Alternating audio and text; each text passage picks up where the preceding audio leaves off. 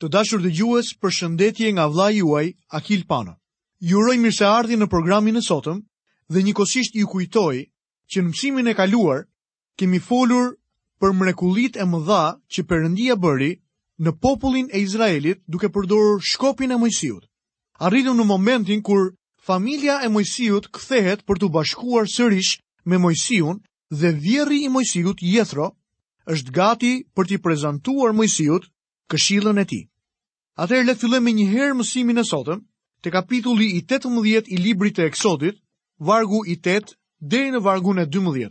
Atëherë Mojsiu i tregoi vjerrit të tij të gjitha ato që Zoti u kishte bërë faraonit dhe egjiptasve për shkak të Izraelit, të gjitha fatkeqësitë e pësuara gjatë udhëtimit dhe si i kishte shpëtuar Zoti. Dhe Jethro u gëzua për të gjitha të mirat që Zoti i kishte bërë Izraelit duke e shpëtuar nga dora e egjiptasve. Pastaj Jethro i tha, Bekuar qoftë Zoti që ju çliroi nga dora e egjiptasve dhe nga dora e faraonit dhe çliroi popullin nga zgjedha e egjiptasve. Tani e di që Zoti është më i madhi nga tërë perënditë po ai ua vërtetoi atyre me sa krenari kur vepruan me kryelartësi kundër Izraelit. Pastaj Jethro, vjerri i Mojsiut, mori një olokaust dhe disa fli për t'ia ofruar Perëndisë. Dhe Aroni dhe tërë pleqtë e Izraelit erdhën të hanë me vjerrin e Mojsiut përpara Perëndisë. Jethro ndoshta ishte ende skeptik kur Mojsiu ishte ende në Madian dhe i tha se do të çlironte bijtë e Izraelit nga zgjedha në Egjipt. Ndoshta u ka thënë fqinjve, nuk e di ç'më ka gjetur me dhëndrin. Se ç'ka ca idera të çuditshme. Mendon se Perëndia e ka thirrur të çlirojë Izraelin nga Egjipti. Por të them të drejtën, nuk besoj se Perëndia të cilit i beson është në gjendje ta bëjë këtë gjë. Por pavarësisht nga mendimet e vjerrit të Mojsiut, Jethros, Perëndia e përmbushi atë që i kishte dhënë shërbëtorit të vet Mojsiut. Në këtë mënyrë, Jethroja njohu shpëtimin e Perëndisë. Kjo vërtetohet edhe nga fakti se ai i ofroi olokauste Perëndisë. Le të shohim më poshtë vargjet 13 deri në vargun e 18. Por ndodhi që të nesërmen, Mojsiu u ul për të gjykuar popullin dhe populli u mblodh rreth Mojsiut që nga mëngjesi deri në mbrëmje. Kur vjerri i Mojsiut pa që të gjitha ato që ky bënte për popullin, tha, Ç'është kjo që bën ti me popullin? Pse ulesh vetëm dhe tërë populli të rri përqark nga mëngjesi deri në mbrëmje? Moisiu iu përgjigj vjerrit të tij, sepse populli vjen tek unë për t'u këshilluar me Perëndinë. Kur ata kanë ndonjë problem, vijnë tek unë dhe unë gjykoj njërin dhe tjetrin dhe u bëj të njohur kanunet e Perëndisë dhe ligjin e tij. Por vjerri i Moisiut i tha: Ajo që bën ti nuk shkon mirë. Do të rraskapitesh më në fund. ti dhe populli që është me ty, sepse detyra që ke marrë është shumë e vështirë, nuk mund t'ia dalësh në krye i vetëm. Vjerri kuptohet që e donte Moisiun, e respektonte dhe madje ishte shumë entuziast për të. Meqë kishte ardhur për të sjellë familjen e tij, ai qëndron vetëm për pak ditë. Gjatë kësaj kohe, ai ka vënë re se Moisiu ishte shumë i zënë duke gjykuar popullin. Kështu që për t'ia lehtësuar barrën, i sugjeron të caktojë disa njerëz si gjyqtarë. Lexojmë më poshtë vargjet nëntëmbëdhjetë deri njëzet e shtatë. Tani dëgjomë, unë do të të jap një këshillë dhe Perëndia qoftë me ty. Përfaqësoje ti popullin përpara Perëndisë dhe paraqitja Perëndisë problemet e tyre. Mësoju atyre statutet dhe ligjet dhe tregoju rrugën nëpër të cilën duhet të ecin dhe atë që duhet të bëjnë. por zgjidh në mes të gjithë popullit disa njerëz të aftë që kanë frikë nga Perëndia, njerëz të besuar që e urrejnë fitimin e padrejtë dhe vendosi mbi popullin si krerë të mijërave, krerë të qindrave, krerë të pesëdhjetrave dhe krerë të dhjetrave. Dhe lejo që të jenë ata që do ta gjykojnë popullin në çdo kohë. Ata do të të parashtrojnë çdo problem me rëndësi të madhe, ndërsa për probleme të vogla do të vendosin vetë. Kështu do të jetë më e lehtë për ty dhe ata do të mbajnë peshën bashkë me ty. Në qoftë se ti vepron kështu dhe kështu të urdhëron Perëndia, mund të mbahesh dhe tërë ky popull do të arrijë faqebardhë në vendin e caktuar për të. Moisiu e dëgjoi zërin e vjerrit të tij dhe bëri gjithçka që i kishte thënë. Kështu Moisiu zgjodhi në tërë Izraelin disa njerëz të aftë dhe i vuri si krerë të popullit, krerë të mijërave, krerë të qindrave, krerë të pesëdhjetrave dhe krerë të dhjetrave. Kështu ata e gjykonin popullin në çdo kohë. Çështjet e vështira ia parashtronin Moisiut, por çdo problem të vogël e zgjidhnin vetë. Pastaj Moisiu u nda nga vjerri i tij, i cili u kthye në vendin e vet. Jethro sugjeroi që të caktoheshin disa gjyqtarë për ta ndihmuar Moisiun të zgjidhte problemet e njerëzve. Dikush mund të thotë, çfarë të keqe ka në këtë sugjerim? Në pamje të parë gjithçka shkon mirë, por mos harroni një gjë. Në këtë botë kemi dy lloje urtësie, një që vjen nga Perëndia dhe tjetra që vjen nga bota. Propozimi i Jethros mbështetet plotësisht në modelin e botës. Kur dikush ndjek modelin e botës, nuk i kthen sytë nga Perëndia. Një nga arsyet që kisha po kalon këto lloj problemesh është se njerëzit kanë hyrë në kishë, kanë zënë një vend në bordin drejtues apo në një pozitë drejtuese vetëm sepse kanë qenë të suksesshëm në biznes. Ata përpiqen ta drejtojnë kishën sipas metodave të botës dhe nuk kanë asnjë dallim në frymë dhe asgjë të ngjashme me të.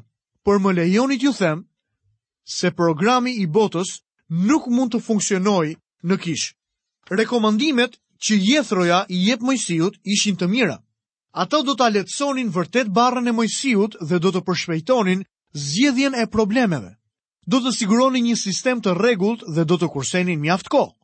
Propozimi i Jethros dukej në pamje të parë një paketë shumë tërheqëse. Sugjerimi i tij ishte i sinqertë dhe ishte nisur nga qëllime të mira. Vjerri ishte i merakosur vërtet për shëndetin e Moisiut dhe për këtë meriton dashuri dhe respekt. Ajo që duhet të kuptojmë është se ky sugjerim nuk ishte vullneti i Perëndisë. Mirëpo Perëndia e lejoi këtë gjë, në rregull, por nuk ishte ai që e sugjeroi. Një shqyrtim më i kujdesshëm i këtij pasazhi do të zbulonte qartë karakterin dinak dhe të ligë të këshillës së këtij njeriu. Së pari, Perëndia nuk i kishte dhënë Moisiut udhëzime të tilla në lidhje me këtë çështje. Sugjerimi i Jethros në të vërtetë vinte në dyshim urtësinë, gjykimin dhe dashurinë e Perëndisë. Jethro është duke thënë në të vërtetë se Perëndia nuk po bënte më të mirën e mundshme për Moisiun. Nëse Perëndia do ta donte dhe kujdesej vërtet për Moisiun, do ta kishte bërë këtë gjë shumë kohë më parë. Miqtë e mi, personalisht unë dëgjoj tek Jethro zhurmën e gjarpërit të bërë të njohur kohë më parë në kopshtin e Edenit. O kam shumë të gjallë përpara meje, ndërsa ai i thotë Evës. O, po të haje nga ajo pemë, do të ishe e zgjuar, dhe Perëndia nuk ta ka lejuar ta bësh këtë. Perëndia nuk po bën më të mirën që mundet për ty. Dhe kur shohim sugjerimin e Jethros, nuk kuptojmë të njëjtën gjë. Po të kishte qenë kjo metoda më e mirë, Perëndia do ta kishte bërë kohë më parë. Gjëja e dytë për t'u vënë re këtu është se Perëndia ka komunikuar në mënyrë të drejtpërdrejtë me Moisiun. Ai e ka pajisur atë për detyrën e madhe të çlirimit të Izraelit. Perëndia sigurisht që nuk dëshironte përfshirjen e një pale të tretë.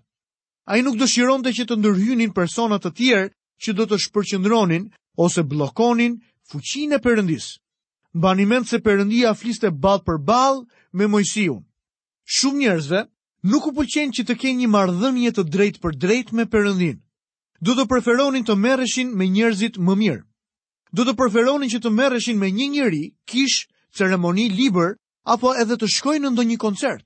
Tani të gjitha këto gjëra kanë vendin e tyre, por miqtë e mi, ne duhet të shkojmë gjithmonë drejt e tek Perëndia. Pika e tretë për t'u vënë re është se sugjerimi i Jethros krijoi një organizëm prej nga erdhi këshilli i të 70-ve, Sinedri. Ishte ky Sinedër që pas një mijë e pesëqind vjetësh u mblodhën bashkë dhe bënë komplot për vdekjen e birit të Perëndisë. Moisiu nuk kishte nevojë për këtë organizëm. Perëndia i dha Moisiut pushtetin për këto detyra dhe përgjegjësi të lodhshme. Këta 70 njerëz nuk ishin më rezultativë për Perëndinë nga ç'ishte një i vetëm. Në fund të fundit, Perëndia është frymë që i jep pushtet njeriut dhe përshpejton gjërat. Ka njerëz që mendojnë se ajo që i duhet kishës për të arritur suksesin është metoda e saj. Në ditët e sotme ka shumë predikues që në marrëzinë e tyre përpiqen të identifikohen si brezi i ri. Ata thonë se duan të komunikojnë me brezin e ri, Në Kaliforninë e Jugut është një shkollë biblike që ka për temë identifikimin me komunikimin me njerëzit. Nuk i kam dëgjuar asnjëherë të arrijnë e të prekin jetët e njerëzve në Kaliforninë e Jugut. Ata thjesht nuk janë në gjendje ta bëjnë këtë. Perëndia nuk ka nevojë për një metodë, organizatë, shifra, sisteme, rite apo vepra të mira. Ai e fshin nga faqja e dheut gjithë urtësinë e kësaj bote që të mos mbetet asgjë që do të pengonte lidhjen e shpirtit të njeriut me të. Urtësia e botës dhe urtësia e Perëndisë janë në kundërshtim me njëra-tjetrën. Kaq shumë, saqë njëra është urtësi dhe tjetra marrëzi. Tek letra e parë drejtuar Korintasve, kapitulli 3, vargjet 18 dhe 19, Perëndia na thotë, Askush të mos mashtrojë vetveten. Në qoftë se ndonjë nga ju mendon se është i urtë në këtë kohë, le të bëhet i marrë, që të mund të bëhet i urtë, sepse dituria e kësaj bote është marrëzi pranë Perëndisë, sepse është shkruar, ai i zë të urtët në dinakërinë e tyre. Apostulli Pal na thotë tek letra e parë e Korintasve, kapitulli 2 dhe vargu i 4. dhe fjala ime dhe predikimi im nuk u bënë me fjalë mbushamendëse nga dituria njerëzore, por në dëftim të frymës dhe të fuqisë. Nuk është e nevojshme të jemi të zgjuar dhe të përdorim intelektin tonë për të shkuar tek njerëzit e për t'i fituar ata për Krishtin. Ajo që na nevojitet është urtësia e Perëndisë për të na drejtuar. Na nevojitet fuqia e Perëndisë dhe jo metodat njerëzore. Miku im, A mbështetesh në urtësinë e botës apo i kthen sytë nga Perëndia për të të udhëhequr me urtësinë që vjen nga lart? Këtu kemi përfunduar kapitullin e 18 të librit të Eksodit dhe do të hyjmë në kapitullin e 19. Tema e kapitullit të 19 është Izraeli vjen në malin Sinai. Mojsiu i jep popullit mesazhin e Perëndisë dhe këtu më pas do të shikojmë përgjigjen e popullit. Populli përgatitet për ditën e tretë, kur Zoti do të zbresë në prani të të gjithë fëmijëve të Izraelit në malin Sinai. Populli gjithashtu paralajmërohet të mos prekë malin. Prania e Perëndisë zbret mbi mal. Vlen për t'u theksuar se kapitulli i 19 deri në kapitullin e 24 flasin për ligjin e Zotit. Bijtë e Izraelit kanë arritur në malin Sinai dhe atje bien dakord të pranojnë ligjin e Perëndisë. Në të vërtetë, ajo që ndodh është se ata këmbejnë hirin me ligjin. Le të shohim izraelitët arrijnë në malin Sinai. Lexojmë në kapitullin e 19 të librit të Eksodit, vargun e parë dhe të dytë. Ditën e parë të muajit të tretë, nga dalja prej vendit të Egjiptit, po atë ditë, bijtë e Izraelit arritën në shkretëtirën e Sinait. Të nisur nga Refidimi, ata arritën në shkretëtirën e Sinait. fushuan aty. Izraeli e ngriti kampin e tij përballë malit. Bijtë e Izraelit kishin arritur në malin Sinai, vendin ku do t'u jepej ligji. Shohim që Perëndia do të sillet plot hir me popullin e tij. Ai do t'u japë atyre rastin dhe mundësinë të vendosin nëse duan të vazhdojnë të drejtohen prej tij, ashtu siç kishte vepruar që kur dolën nga Egjipti dhe derisa arritën tek mali, apo do të parapëlqenin të pranonin dhe të merrnin ligjin. Le të shohim Mojsiun i cili shpall mesazhin e Perëndisë dhe populli i përgjigjet. Lexojmë në vargun e 3 dhe të 4. Pastaj Mojsiu u ngjit drejt Perëndisë dhe Zoti i thirri nga mali duke i thënë: Kështu do t'i thuash shtëpisë së Jakobit dhe këtë do t'u njoftosh bijve të Izraelit. E patë atë që u bëra egjiptasve, dhe si ju solla mbi krahë shqiponje pranë meje. Ja çfarë do të thotë të udhëtosh me anë të hirit. Lexojmë më poshtë vargun e 5. Prandaj në qoftë se do ta dëgjoni me vëmendje zërin tim dhe zbatoni besëlidhjen time, do të jeni thesari im i veçantë, ndërmjet tërë popujve, sepse gjithë toka është e imja. Bijtë e Izraelit udhëtuan nga Egjipti në malin Sinai me anë të hirit të Perëndisë. Pastaj Perëndia i pyeti nëse dëshironin të merrin ligjin dhe urdhërimet dhe ata në marrëzinë e tyre, në vend që të thonë se u kishte pëlqyer shumë udhëtimi mbi krahët e shqiponjës nga Egjipti në malin Sinai, bien dakord ta pranojnë atë. Perëndia ua kujtoi edhe një herë gjithçka që u kishte bërë egjiptasve dhe se si i kishte mbartur bijtë e Izraelit me krahë shqiponje. Ndoshta do të ishte me vend të thonim disa fjalë për shqiponjën. Shqiponja është një shpend grabitqar. Tek libri i Jobit, kapitulli 9 dhe vargu i 26, lexojmë: Ikin shpejt si anijet prej xunkthi, si shqiponja që sulet mbi prenë e saj. Vetë Zoti Jezus na thotë tek Ungjilli i Mateut kapitulli 24 dhe vargu i 28, sepse aty ku janë kërmat, aty do të mblidhen shqiponjat. E megjithatë në shkrim, shqiponja përdoret si simbol i Perëndisë dhe hyjnisë. Në librin e Ezekielit, hyjnia përfaqësohet me fytyrën e një shqiponje. Ndërkohë që në kapitullin e katërt të librit të zbulesës përshkruhet si një shqiponjë që fluturon. Shqiponja është një shpend që admirohet për flatrat dhe për aftësinë që ka për të fluturuar dhe për t'u endur në lartësitë e mëdha.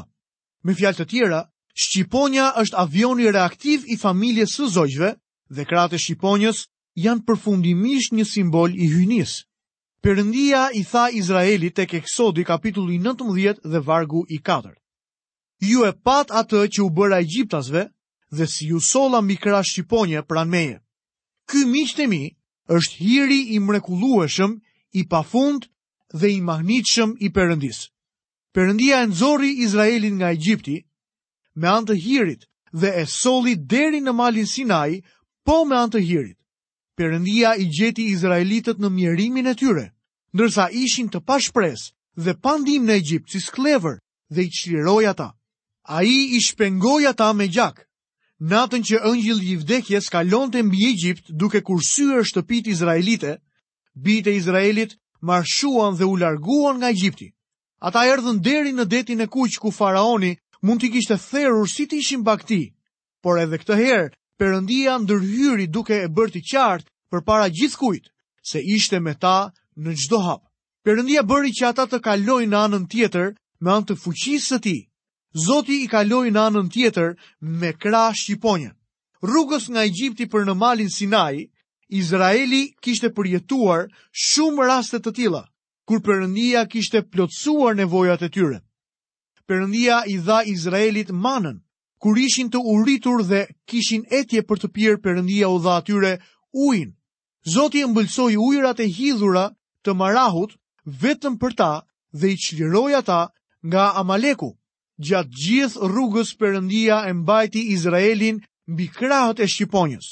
Ai bën të njëjtën gjë me ne edhe sot. na mban në të njëjtën mënyrë mbi krahët e shqiponjës. Ai na udhëheq me anë të hirit të tij dhe ne ecim çdo ditë me besimin se Perëndia kurrë nuk do të na braktisë. Tani në malin Sinai, Perëndia i kujton Izraelit se si ai i kishte udhëhequr dhe ishte kujdesur për ta. Pastaj u jep atyre një zgjedhje, hirin ose ligjin.